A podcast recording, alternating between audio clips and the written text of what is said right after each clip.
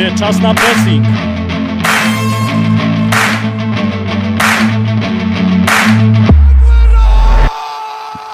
Dzień dobry, dzień dobry, dzień dobry. 25 kwietnia, Międzynarodowy Dzień Świadomości Zagrożenia Hałasem i Światowy Dzień Pingwina. Pressing. E, W studio e, ten program dzisiaj, te audycje poprowadzę dla was. Ja nazywam się Julian Kozanecki, moimi gośćmi dzisiaj są Marcel Kędziora. Kacper Kołat, cześć siemano, kłaniam się. Tak jak na zapowiedzi, mm, porozmawiamy sobie dzisiaj o tym, dlaczego londyński futbol przeżywa kryzys, jak polska e- ekstraklasa poradzi sobie z rozstaniem z Markiem Papszunem, bo raczej nie przewidujemy, żeby został trenerem innej ekstraklasowej drużyny, przynajmniej nie teraz.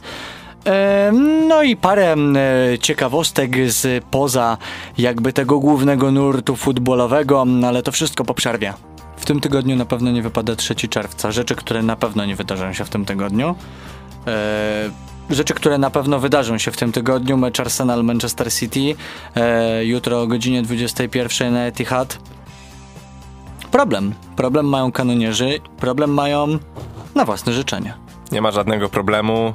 Wszystko zostanie wyjaśnione jutro. Trzy punkty wylądują w Londynie i tak się skończy ten sezon. Wiesz co, wydaje mi się, ja nie wiem, czy jest sens w ogóle dyskutować o tym spotkaniu, bo pojawiają się dwie strony. Pojawia się strona, podejrzewam, moja i Julka, czyli strona ludzi racjonalnych, którzy doskonale wiedzą, jak to się skończy i pojawia się Kędzior jako kibic Arsenalu, któremu wydaje się, że jutro są jakiekolwiek szanse. Wydaje mi się, że szanse Arsenalu na mistrzostwo skończyły się w momencie, w którym z boiska z urazem zszedł Saliba i w momencie, w którym e, Saliba leczy uraz i wiadomo, że on jutro nie wystąpi, nie wiadomo, czy tak naprawdę sezon się już dla niego nie skończył, to właśnie razem z wypadnięciem z kadry meczowej Saliby wypadły też wszelkie szanse i argumenty Arsenalu na to, żeby ten tytuł mistrzowski do końca dojechać z tą przewagą punktową i go wywalczyć. No właśnie o co właściwie chodzi tam w Arsenalu, bo oni tak naprawdę gubią punkty w pewnym momencie na własne życzenie, bo tam ciężko jest dostrzec taki kryzys, który się objawia naturalnie w niektórych zespołach, to znaczy, że nagle zawodnicy tracą formę albo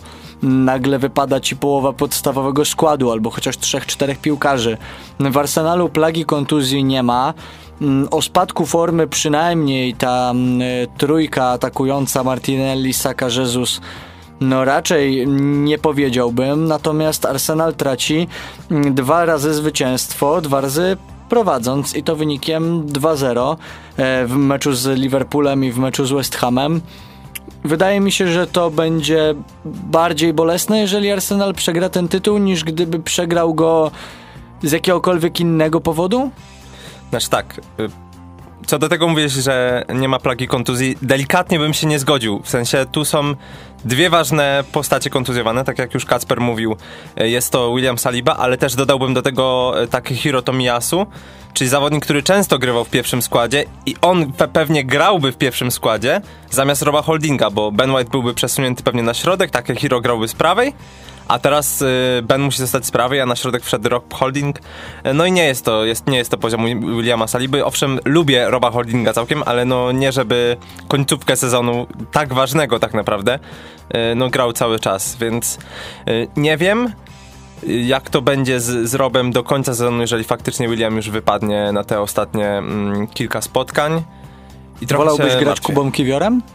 Oj nie, nie, nie wolałbym grać Kubą Kiwiorem, bo nie ma takiego doświadczenia w, w Premier League, po pierwsze, a po drugie on jest lewonożny, więc bardziej w miejsce Gabriela Magalaesza by pasował tutaj. No średnio jest granie dwoma lewonożnymi środkowymi stoperami. E, No ja się zgodzę z Kędziorem, że mimo wszystko no, kwestią największą jest plaga kontuzji, bo jak spojrzymy sobie na to, że w meczu ze Sportingiem, tym rewanżowym, w którym Arsenal odpada z Ligi Europy, wypada też Saliba, no to patrząc na kolejne spotkania bez Saliby, no to mamy ok, zwycięstwo z Crystal Palace 4-1, zwycięstwo 4-1 z Leeds, ale potem mamy 2-2 Liverpool, 2-2 West Ham i 3-3 Southampton. Także tak naprawdę te problemy Arsenalu zaczynają się w momencie, kiedy z tej kadry wypada Saliba.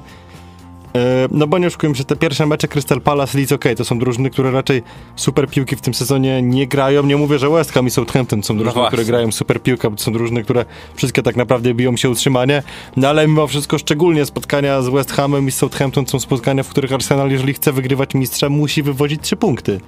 I No właśnie. Się, no taki jest jedyny scenariusz, jeżeli oni chcą ten, ten tytuł bronić. Nie wydaje wam się, panowie, że jednak tłumaczenie dwoma y, kontuzjami z bloku obronnego, czyli Saliby i Tomiyasu, tego, że w trzech meczach tracisz y, łącznie 7 goli, z czego 3 tracisz od Southampton, to chyba jednak jest takie dość naiwne wytłumaczenie, no bo mm, z, z taką drużyną, jak, jaką w tym sezonie jest Southampton, trzech goli nie powinno się tracić, nawet jeżeli by się całą, całą linią rezerwową w obronie wychodziło, a w końcu od czegoś jest jeszcze bramkarz. No niby to prawda.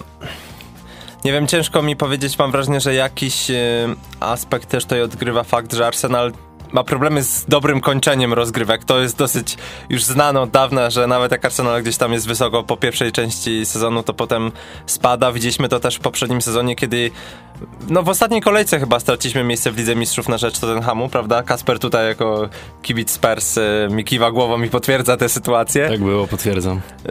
I nie wiem, no tu może faktycznie być e, równie źle, a nawet gorzej, no bo tam przeżył, przeżyje jeden sezon bez Ligi Mistrzów, ale naprawdę myślałem i nadal myślę, ja, ja wierzę cały czas jakby w to mistrzostwo i myślę, że jest szansa na to, ale bardziej wierzyłem wcześniej niż po tych trzech remisach zdecydowanie.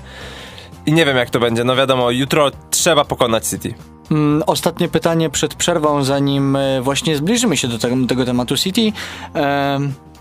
Czy Arsenal, jeżeli nie wygrał już w tym sezonie Ligi Europy i nie wygra do tego Ligi Angielskiej, jeżeli tak się stanie, to czy to jest zły sezon Arsenalu? Absolutnie nie. I mówię to jako kibic Tottenhamu. Absolutnie w ogóle nie rozumiem e, sytuacji, w której Arsenal e, kategoryzuje się jako złą drużynę po tym, że oni po, po tak naprawdę po przebudowie, oni pierwszy sezon po przebudowie są i walczą do, do tak naprawdę do 30 do, do końca, do ostatniej kolejki będą walczyć o tytuł mistrzowski. Oni cały czas są w tej grze. Oni przez ponad 20 kolejek zasiadali na fotelu lidera. No tutaj nie można mówić o złym sezonie, jeżeli Arsenal przez ostatnie 6-7 lat nie istnieje ani w Europie, ani nie istnieje tak naprawdę w Anglii, bo nie oszukujmy się, Arsenal od sezonu 2016-2017 tak naprawdę nie stanowi żadnej konkurencji w Anglii dla, e, dla drużyn z top 6 i, i w tym momencie, jeżeli oni wchodzą i faktycznie zaczynają grać i ten Arteta Ball zaczyna działać, no to nawet jeżeli to się skończy na wicemistrzostwie i żadnym sukcesie w Europie, no to tutaj absolutnie nie można mówić o, o braku sukcesu, bo ta drużyna jest po prostu na początku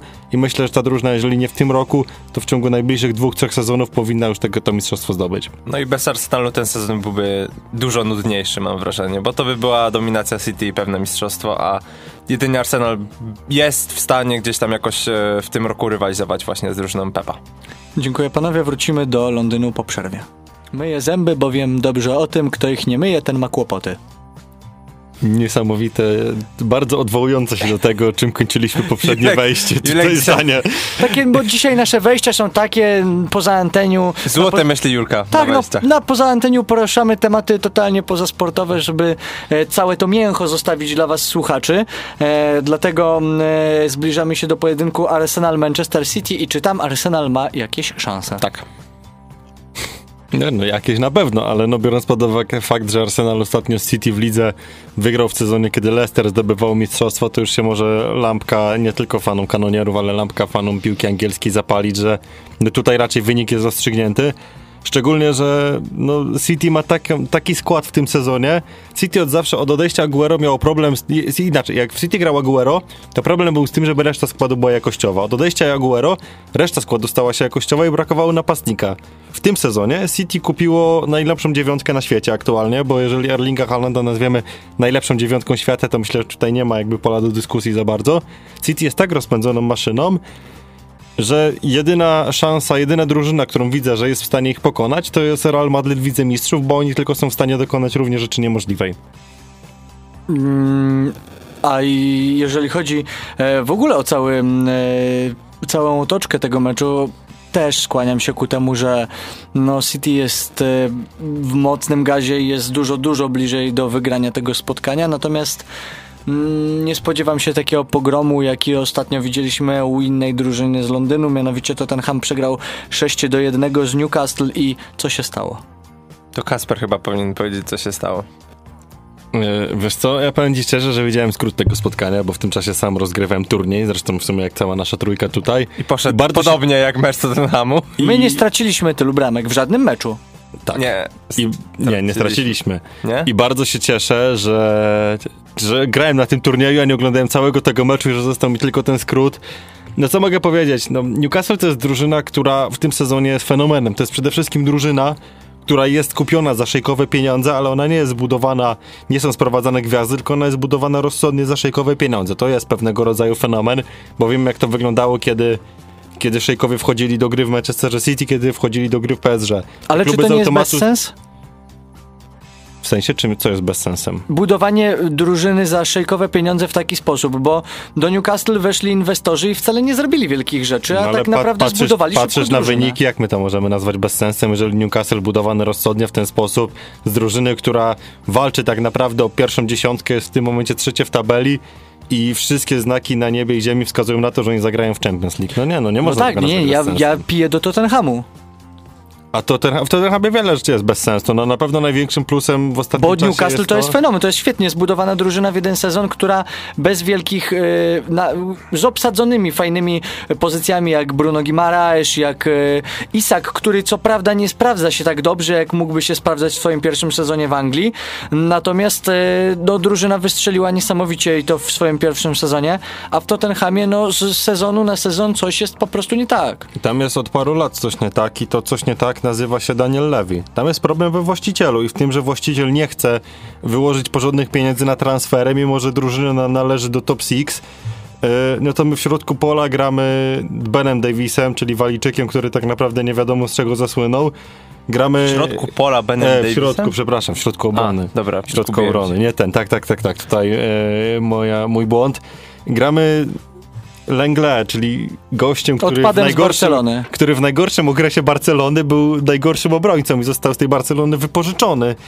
I my, ja mam nadzieję osobiście, że on do tej Barcelony wróci i w jego miejsce zostanie sprowadzony ktokolwiek racjonalny. A ja słyszę o bardzo dużej możliwości wykupienia go za 20 milionów. Też mi gdzieś się to obie uszy, ale no zgadzam się z Kasprem też, że Daniel Lewy to jest największy problem Tottenhamu i tak jak źle im życzę jako kibic Arsenalu yy, i jeszcze mam wiele innych powodów do nienawiści do Totków, ale Jak ja uważam, mi że... to robić? Od 15 minut mówię same superlatywy o Arsenalu, a ty wchodzisz pierwsze wejście od Tottenhamu No bo i ich nie mówisz, że lubię, no, mi jak ale najgorzej. nie, ale słuchaj, właśnie chcę Przed powiedzieć... audycją mówiłem, że się pokłócą, Kacper mi obiecywał, że się nie pokłócą. To jest moja pierwsza audycja wspólna z Kasperem, jak mi Tak. uświadomił właśnie To jest na fenomen, początku. że my z Kędziorem jesteśmy prawie 3 lata razem w dziale i to jest, mimo wielu rozmów na temat tego, że chcemy razem poprowadzić audycję, to jest nasza pierwsza, to najlepsze wcale nie w ramach działu sportu, nie w planecie sportu, tylko w audycji autorskiej, totalnie jakby no, odłączonej od planety. Tak, ale no teraz będzie ten moment, kiedy powiem coś, y, konstruktywną krytykę na temat Tottenhamu, a nie po prostu będę po nich jechać.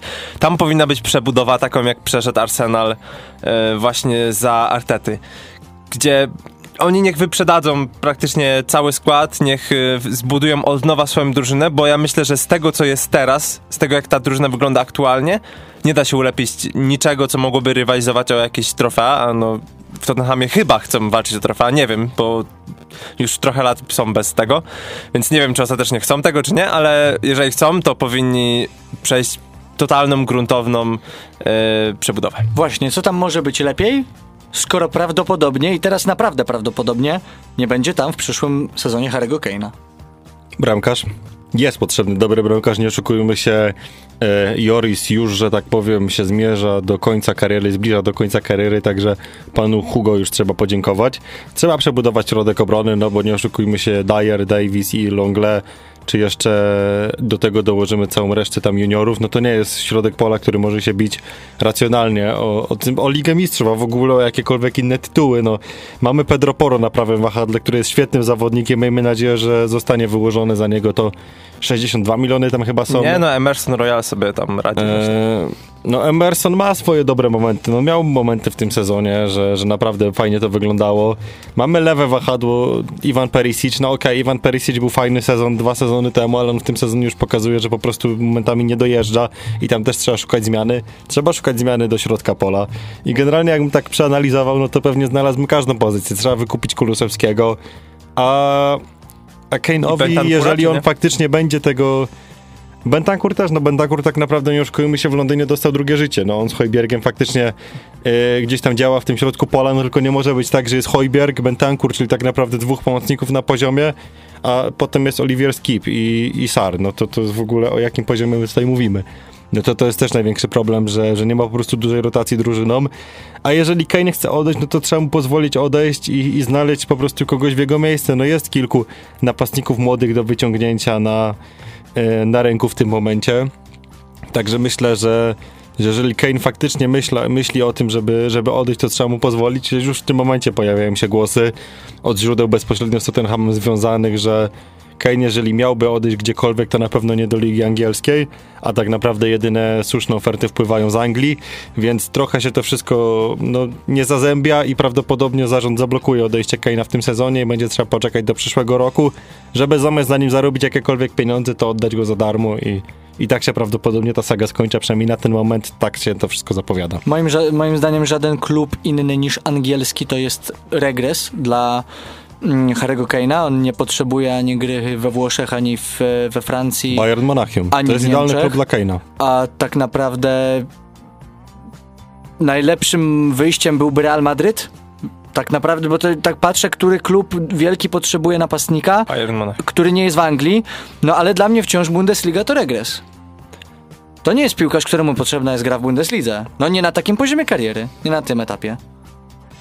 Problemem Kane'a też największym jest to, że Kane jest trochę, znaczy Harry jest trochę w takiej rozterce o tyle, że jemu nie na rękę jest w tym momencie wyprowadzanie się na pewno z Londynu, a tym bardziej już z Anglii, bo, bo chodzi po prostu o to, że on tu wychowuje swoje dzieci, on ma kolejne dziecko w tym momencie w drodze. Do tego dochodzi ta, taki aspekt jak to, że Kane chce odejść, on nie może odejść nigdzie, wa, nigdzie w Anglii na ten moment, a ma z tyłu głowy to, że on tak naprawdę jest realnym konkurentem do pobicia rekordu Alana Shearera, więc tak naprawdę w głowie Harego panuje jeden wielki mętlik i nie da się przewidzieć tego, co się wydarzy. Jeżeli miałby natomiast typować jakąkolwiek drużynę, która mogłaby Harego pozyskać, no to jest to Bayern, który wydaje mi się, że, że po odejściu Roberta Kane by tam się po prostu dobrze spisał, plus no, w środek ataku Sane Mane Kane to też byłoby coś, co marketingowo by chwyciło. Eee, więc jeżeli miałbym typować gdzieś poza, poza Anglią drużyny, która szuka napastnika, to jest to to jest to Bayern. Ja osobiście jako fan Realu, a w ogóle jako fan Ligi, Ligi Hiszpańskiej, no to nie widzę go w Hiszpanii. To nie jest liga dla niego. Mm, ostatnie pytanie. Mm, e, może dość oczywiste z punktu widzenia mm, tabeli, ale może ktoś ma inne spojrzenie z was na to. E, już wiemy, że Arsenal aż w takim wielkim kryzysie, jakby się wydawało, to nie jest. Ale kto jest w większym kryzysie? To Tottenham czy Chelsea? Mm, Wiesz co, Chelsea. ciężko mówić o tym, że Tottenham jest w kryzysie, jeżeli to jest utrzymany poziom od kilku lat ten sam. No to dla Tottenhamu miejsce 4-6 w tabeli to są regularnie zajmowane pozycje, także jeżeli oni w tym momencie plasują się na miejscu piątym, to ja bym tego nie nazwał kryzysem, tylko nazwałbym Tottenham, Tottenhamem i... Brakiem progresu bym A to, co się dzieje w Chelsea w tym sezonie, no to jest nieśmieszny żart i jak się okazuje, Todd Bailey się przekonał na własnej skórze sam o tym, że no, prawdziwe życie i prowadzenie klubu to nie jest football manager jak się wyda 500 milionów na transfery, to one się nie zwrócą. Można mówić o tym, że to jest inwestycja w przyszłość, bo to są wszyscy zawodnicy, którzy tam sprowadzeni, 90% zawodników sprowadzonych nie skończyła jeszcze 23 lat, no ale mimo wszystko, no to Chelsea to nie jest klub, w którym można czekać na wyniki. To jest klub, w którym się oczekuje wyników tu i teraz. To jest klub wielki, klub z bardzo dobrą historią, który jeszcze dwa lata temu wygrywał Ligę Mistrzów. Tutaj nie ma mowy o czymś takim, że my sobie teraz pięć lat poczekamy, aż tam zawodnicy dojrzeją będziemy walczyć o najwyższe cele. Naprawdę jest taka, że chłopaki wydali pół miliarda na transfery, które nie wiosą nic do drużyny, Tutaj myślę, że jeżeli mówimy o największym flopie, no to zdecydowanie jest to po prostu Michał Mudryk, bo to jest gość, który, ja to mówiłem wielokrotnie, to jest chłop, który zagrał pół sezonu, nawet nie w top 5 ligi, nigdy nie zagrał w europejskich pucharach, został kupiony za 100 milionów. No to o czym my tu rozmawiamy? Nie, no w europejskich chyba zagrał, bo właśnie on po tym występie Ale na poważnie, no w tym sensie mówimy. No. A, no, na no, poważnie no, on tak. nigdy europejskiej murawy nie powąchał. No, po pierwsze, tam w Chelsea nie ma nikogo, kto by to jakoś skleił y, w całość. Myślałem, że Graham Potter będzie taką osobą. Po pierwsze, zdziwiłem się w ogóle rozstaniem z Tomasem Tuchelem, bo on robił całkiem dobrą robotę w Chelsea. Może nie było faktycznie niesamowicie, ale mm, no, potrzeba trochę czasu, żeby ta kadra, która była w większości nowa, jakoś się y, porozmiała wspólnie. Potem myślałem, że Graham Potter po tym, co zrobił w Brighton, poradzi sobie w Chelsea, ale tutaj też y, no, okazało się inaczej. O Franku Lampardzie nawet się nie wypowiadam, bo nie wiem, kto wpadł na pomysł, żeby go z powrotem zatrudniać. E, ma to minimalny sens, że już pracował niedawno w tym klubie, ale i tak myślę, że mogli znaleźć kogoś e, lepszego. No i zobaczymy, co w przyszłym sezonie e, pokaże Chelsea, bo ten sezon już raczej może mogą spisać na stratę. No jeżeli chodzi o Chelsea, jeszcze zanim zejdziemy na przerwę, jeżeli mogę, no wydaje mi się, że przede wszystkim jeżeli chodzi o Grahama Pottera, to to nie jest zły trener, tylko to jest po prostu trener, który dostał do rąk piasek i ma z nich zbudować zamek. No i fajnie, on raz, dwa razy ten zamek zbuduje, ale raz, dwa razy wiatr zawieje i jest tak naprawdę po zamku. I taka jest myślę definicja gry Chelsea, tak samo błędem jest według mnie zwalnianie Grahama Pottera, czyli trenera idealnego pod budowanie drużyny, tak samo błędem było zwalnianie Tusiela, ale to, co się dzieje w zarządzie Chelsea, to jest po prostu tak, jak już powiedziałem, nieśmieszny żart, nieśmieszny żart i po prostu decyzje, których no niewielu jest w stanie zrozumieć. A zamiast Malika Montany na Juvenaliach w Poznaniu wystąpi Kini Zimmer. Dziękuję, zapraszam na przerwę.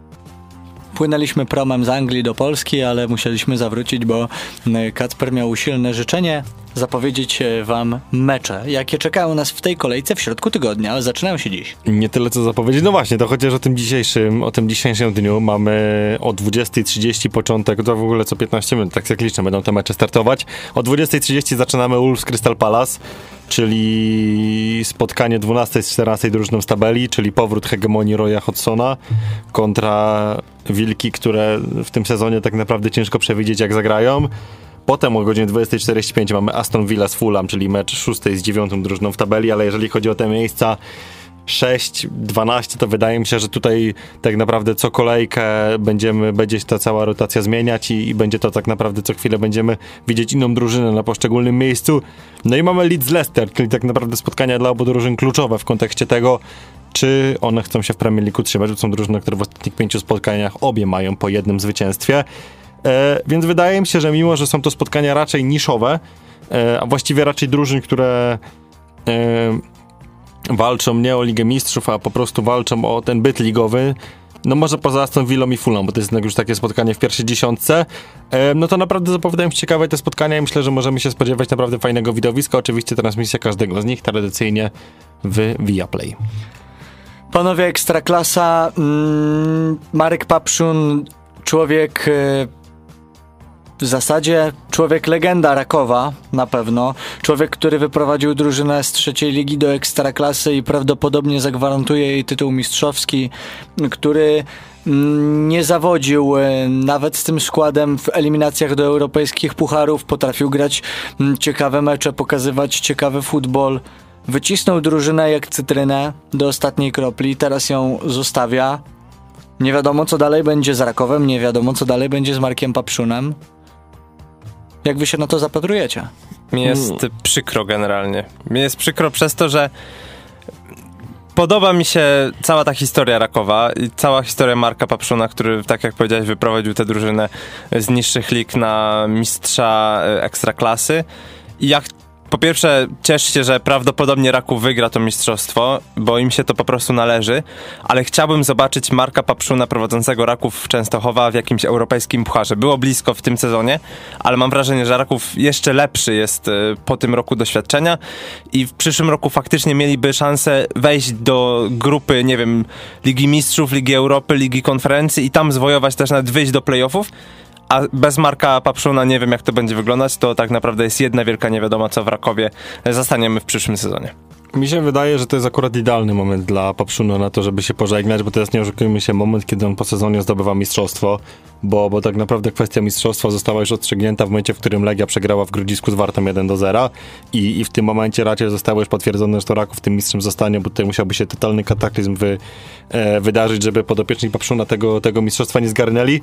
W każdym razie, no dla niego to jest po prostu bardzo dobry moment na to, żeby się z drużyną pożegnać, bo, bo zostawia drużynę, którą wprowadził do Ekstraklasy z Mistrzostwem Polski, zostawia drużynę przede wszystkim, którą zbudował całkowicie od podstaw, bo jeżeli mówimy o, o Rakowie, o sukcesie Rakowa, no to tutaj fundamentem tego sukcesu jest Marek Papszun. Tutaj w kontekście do tego nie mamy się, nie mamy się co kłócić.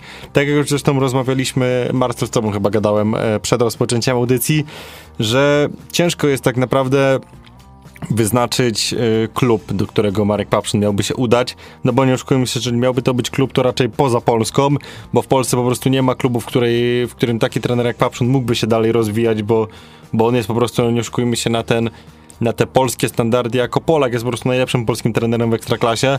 bo jeżeli chodzi w ogóle o najlepszego trenera Wiktora Gaś, tutaj moglibyśmy się kłócić, wiadomo, tutaj największym konkurentem byłby pewnie poznański John Van den Brom. E, no ale według mnie, czy ja wiem, czy mi przykro, no Papszun po prostu, to jest piękna, napisana historia, która będzie miała swoje piękne zakończenie i, i myślę, że możemy mieć po prostu dumni z tego, że w Polsce mamy drużynę, która jest w stanie się tak zbudować i mamy trenera z takimi umiejętnościami budowania drużyny i, i tak bym to podsumował. Ja bym tylko chciał, żeby ta historia, o której powiedziałeś, nie skończyła się nazbyt, bo co do Marka Papszuna często pojawiają się te sygnały, że gdzieś tam on może odejść przedwcześnie, bo przedwcześnie na emeryturę i to by była wielka strata dla polskiej piłki tak naprawdę. Niech on idzie jeszcze w świat, niech będzie takim pierwszym od dawna trenerem w jakiejś zagranicznej ekipie, który odnosi sukcesy, bo póki co to mamy co, Maćka Skorze e, w Japonii, który coś tam całkiem nieźle sobie radzi, bo patrzę czasami na Flash Skorze, jak tam tabela właśnie wygląda.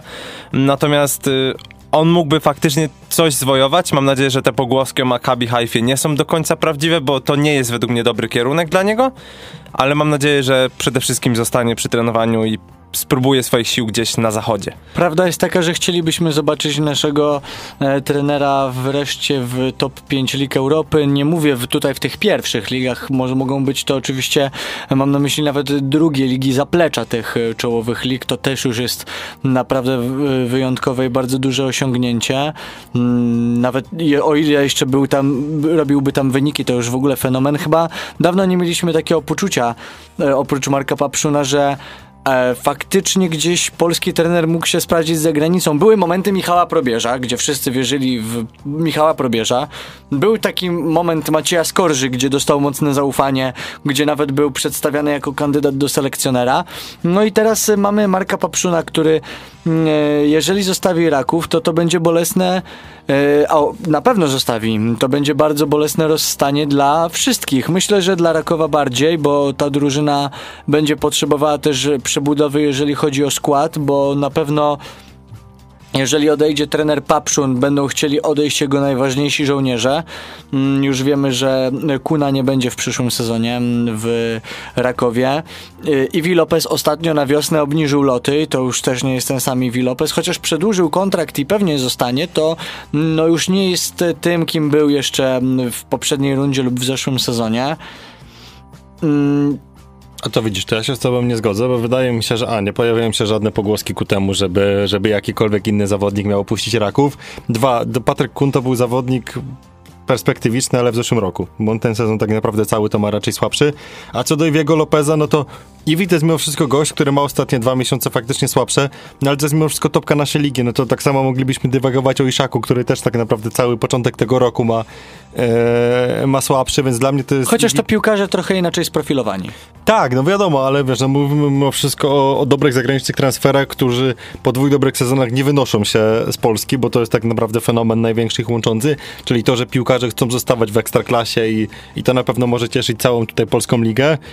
E, no i zgodzę się, na pewno zgodzę się z tym, że to jest y, wielki cios dla Rakowa, no bo pytanie, skoro Papszun odejdzie, to kto? Pojawiają się głos tam mojego asystencie obecnym, E, No bo wiadomo, Raków to jest drużyna, która w tym momencie gra na trzech obrońców. Takich drużyn w Polsce nie ma wiele. Trenerów, którzy potrafią grać na trzech obrońców, też wcale wiele nie ma. I, I no faktycznie ciężko będzie znaleźć godne zastępstwo, chociaż jak twierdzą już w Rakowie, oni tam zastępstwo mają znalezione, mają już wszystko Jutro o 11 się dowiemy. Popodpisywane. O widzisz, to nawet, nawet tego nie Tak, sprawdzałem, że jutro o że 11 będzie decyzja. konferencja prasowa Rakowa Częstochowa, w której, na której zostanie ogłoszony nowy trener. Czesław Michniewicz zerwał negocjacje z Molde, żeby przyjechać do Częstochowy. I co A nie z ciekawe, Malmę? Z Molde. Z Molde. I To to- ktoś mi dał, sprzedał złe info ostatnio, bo mi mówił o Malmę. i co ciekawsze, mm, takiego A bejta może z dziennik. Malmę? Już nawet, nie? Z Molde, na Piłkarskiego. 90%. Zaraz Jakaś skandynawska Pro, drużyna. prowadziłeś teraz, że tak powiem, tutaj niepewność we mnie. Aha. Dlatego, że dzisiaj jest ten Światowy Dzień Zagrożenia Hałasem i właśnie to zagrożenie wystąpiło. Tak. Szumy komunikacyjne. Szumy Tak, komunikacyjne. Wracając do brzegu, wracamy do naszych baranków. E, chodzi o to, że jutro jest konferencja o 11. To raz, a dwa, e, została rzucona taki bait dziennikarski, może taka kaczka, na Twitter Rakowa Częstochowa. Wczoraj było takie zdjęcie niedźwiedzia grizzly i przerażonego jednego z piłkarzy i podpisane, uwaga, niedźwiedź w Częstochowie. Okej. Także tutaj mm, może być to mały uśmiech w stronę trenera Janusza Niedźwiedzia. E, Jeżeli Marek Papszun odejdzie z Rakowa, a Janusz Niedźwiedź zastąpi go na stanowisku trenera Rakowa, to najbardziej na odejściu Marka Papszuna z Rakowa Częstochowa straci Widzew Łódź. To jest w ogóle To jest bardzo, świetne uniwersum. bardzo trafne równanie generalnie, może jest bardzo skomplikowane. Ja wpisałem z ciekawości, aż Janusz Niedźwiedź na Facebooku, chciałem wpisać Raków Częstochowa, ale widzisz, tak się to nazwisko Niedźwiedź pojawiło ostatnio, że, że aż z wrażenia wpisałem, wpisałem je w wyszukiwarkę. No faktycznie, bo jeżeli mówimy o Widzewie, no tutaj Janusz Niedźwiedź też jest... Yy, można powiedzieć głównym aktorem tego teatru, jakim jest Widzew w tym sezonie. Jest tym dla jest Widzewa, to- kim jest Marek, był Marek Papszun dla Rakowa. Też przeprowadził go... Albo Dawid Szulczek-Lewarty. Tak, też jest już tym widzewem bardzo długo i no, skończył pierwszą rundę w pierwszym swoim sezonie Ekstraklasy na trzecim miejscu, mając kadrę raczej taką spadkową. Dokładnie tak. No właśnie, bo jeżeli już mówimy o, o ekstraklasie, jesteśmy w polskiej lidze. E, co z Dawidem Szulczkiem według was? Czy w tym momencie Dawid Szulczek byłby, jeżeli mogę, to ja zadam teraz pytanie, e, czy Dawid Szulczek jest dobrym e, osobą do zastąpienia człowieka w Częstochowie, czy Dawid Szulczek to jest jednak osoba, w moim mniemaniu to jest osoba, która Warcie powinna zostać i jeszcze próbować z tą drużyną osiągnąć więcej, bo wydaje mi się, że to jest drużyna, która ma potencjał na przynajmniej eliminację do europejskich pucharów. Jeżeli próbować gdzieś odejść, to tak jak Papszyn, po prostu próbować swoich sił za granicą, a w Polsce raczej już tych transferów nie wykonywać, a wiadomo jakie są głosy, wiadomo też jak Warta i sam Szulczek podkręcają atmosferę na, na social mediach, to jest szczególnie ten film e, wrzucony przed meczem z Legią, był bodajże w czwartek wrzucony, że czekam tylko na Legię, czekam tylko na Warszawę. E, 100% racji. 100% racji e, Dawid Szulczek powinien pójść drogą Marka Papszuna i wycisnąć wartę do mm, ostatniej kropli, zrobić tam wszystko, co można zrobić, osiągnąć z nią totalny sufit, a potem zmienić e, ligę. No bo mam wrażenie, że jeżeli Dawid Szulczek odszedłby po tym sezonie, to to by było po prostu za wcześnie. On niech y, jeszcze trochę potrenuje faktycznie jakiś zespół właśnie pokroju warty i potem ewentualnie szuka jakichś większych przygód. Panowie, czy jeszcze macie coś do dodania e, odnośnie naszych ekstraklasowych zawirowań? Oprócz tego, że Śląsk i Lechia Gdańsk to są drużyny, które raczej są memiczne, a Piast świetnie punktuje. No, w ogóle, jeżeli to będzie sezon, w którym e, Lechia, Gdańsk i Śląsk Wrocław spadną do pierwszej ligi, to będzie to Groteska. kosmiczny sezon, jeżeli chodzi o kilkowce, szczególnie, że rok temu poleciała też do, e, do pierwszej ligi Wisła Kraków, także no tutaj naprawdę zaraz się okaże, że poziom to pierwsza liga będzie prawie tak samo jak Ekstraklasa, będą tam grały faktycznie mocne ekipy. No na pewno jesteśmy, myślę, że tutaj możemy powiedzieć to, że z ligi poleci mieć Legnica, bo ja mimo iż twierdzę, że cuda się zdarzają, to takie cuda się nie zdarzają i, i szczególnie, że mieć no, nie prezentuje jakiegoś sporego poziomu. Ale myślę, że tutaj walka o, o to utrzymanie będzie się toczyła do końca, ale gdybym miał typować tutaj, no to na pewno do spadku typowałbym właśnie mieć Lechię, bo mimo wszystko wydaje mi się, że Lechia już jest tych kłopotów, jakich teraz jest niewykaraska, ale nie poleci Śląsk, poleci może Radomiak, kogoś bym raczej w tym w tym typowo, chociaż Radomiak też może przez efekt nowej miotu już wczoraj się tak zaprezentowali, że, że ciężko tutaj tak naprawdę kogokolwiek wytypować. Ja nie widzę nadziei dla Śląska na ten moment, bo tam dużo rzeczy leży instytucjonalnie przede wszystkim. Jeszcze więcej rzeczy na boisku i jeszcze raz tyle rzeczy na trybunach. Więc jeżeli Śląsk spadnie z Lechią, a awansuje UKS z ruchem Chorzów, to e, będzie wyglądać ekstraklasa jak w latach 80. Mm, I to wszystko na dzisiaj. Ja nie mam nic więcej do dodania. Jeżeli moi goście jeszcze pragną się tutaj uzewnętrznić na antenie, to uruchamiam wolne, wolne wnioski. Oddalam. Ja, ja, nie, ja, myślę, że możemy jeszcze tak chociaż minutkę, trzy poświęcić na jakieś wolne, wolne rozmowy piłkarskie. Wolny, y, wolny wniosek y, przyjęty Marcel Trochę czasu mamy. Open. Y, Ja na przykład y, jestem ciekaw, co myślicie o Bundeslidze, bo jest ciekawie. To jest jedyna liga, mam wrażenie, poza angielską, gdzie jeszcze są jakieś y, dywagacje na temat mistrza kraju. Moim zdaniem jak zwykle y, sprawdza się powiedzenie, że Borussia ma szansę na tytuł tylko wtedy, kiedy jest wyjątkowo słaby Bayern, co jest dla mnie dosyć dużą bolączką, że nikt nie jest w stanie do tego Bayernu nawiązać w Bundeslidze. Natomiast cieszy mnie, że to jest taka liga w porównaniu do hiszpańskiej, w której zaczynają się klarować inne silne drużyny z trzecich, czwartych miejsc.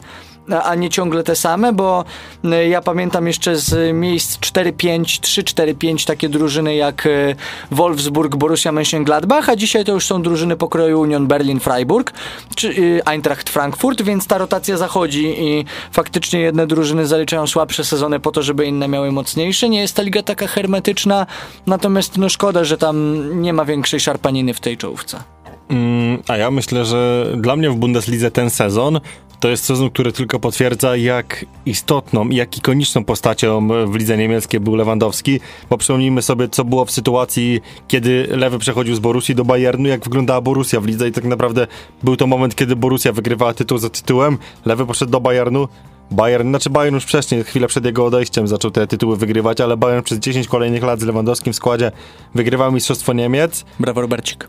Bayern, y, znaczy Bayern odchodzi z Bayernu, Lewy odchodzi z Bayernu i nagle pojawia się pierwszy sezon, kiedy mamy końcówkę kwietnia i realne szanse na to, że Borussia zdobędzie tytuł mistrzowski.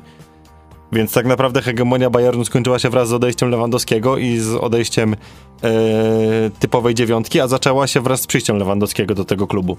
Bo wcześniej trwała hegemonia Borussii, w której właśnie Lewandowski występował. Hegemonią może jakąś wielką bym tego nie nazwał, bo to były chyba dwa mistrzostwa, ale no faktycznie to był ten moment, kiedy Bayern mógł się obawiać y, tego, tej pozycji hegemona w lidze niemieckiej. Teraz znowu jest szansa, bo jeżeli Borussia wygra pozostałe pięć spotkań w ogóle w lidze zostało już tylko w Bundeslidze, a to nie jest tak dużo, y, to jeżeli Borussia wygra wszystkie, no to będzie miała mistrza i faktycznie jest to taki punkt zwrotny, zobaczymy co w Bayernie będzie się działo, bo to zatrudnienie Tomasa Tuchela na razie się nie sprawdza. Jestem ciekaw, co pokaże na przykład Bayer Leverkusen, bo tam Żabi Alonso to czyni cuda od kiedy objął y, y, prowadzenie nad, nad tą drużyną. No i faktycznie Freiburg, Union Berlin to są takie drużyny, które z niczego potrafiły coś stworzyć też myślę, że mogą się w kolejnych latach jeszcze liczyć w czołówce. Wolne wnioski zamykam, bo już na więcej nie mamy czasu. A Jeszcze Marcel wymyśliłby coś dziwniejszego. E, Możliwe.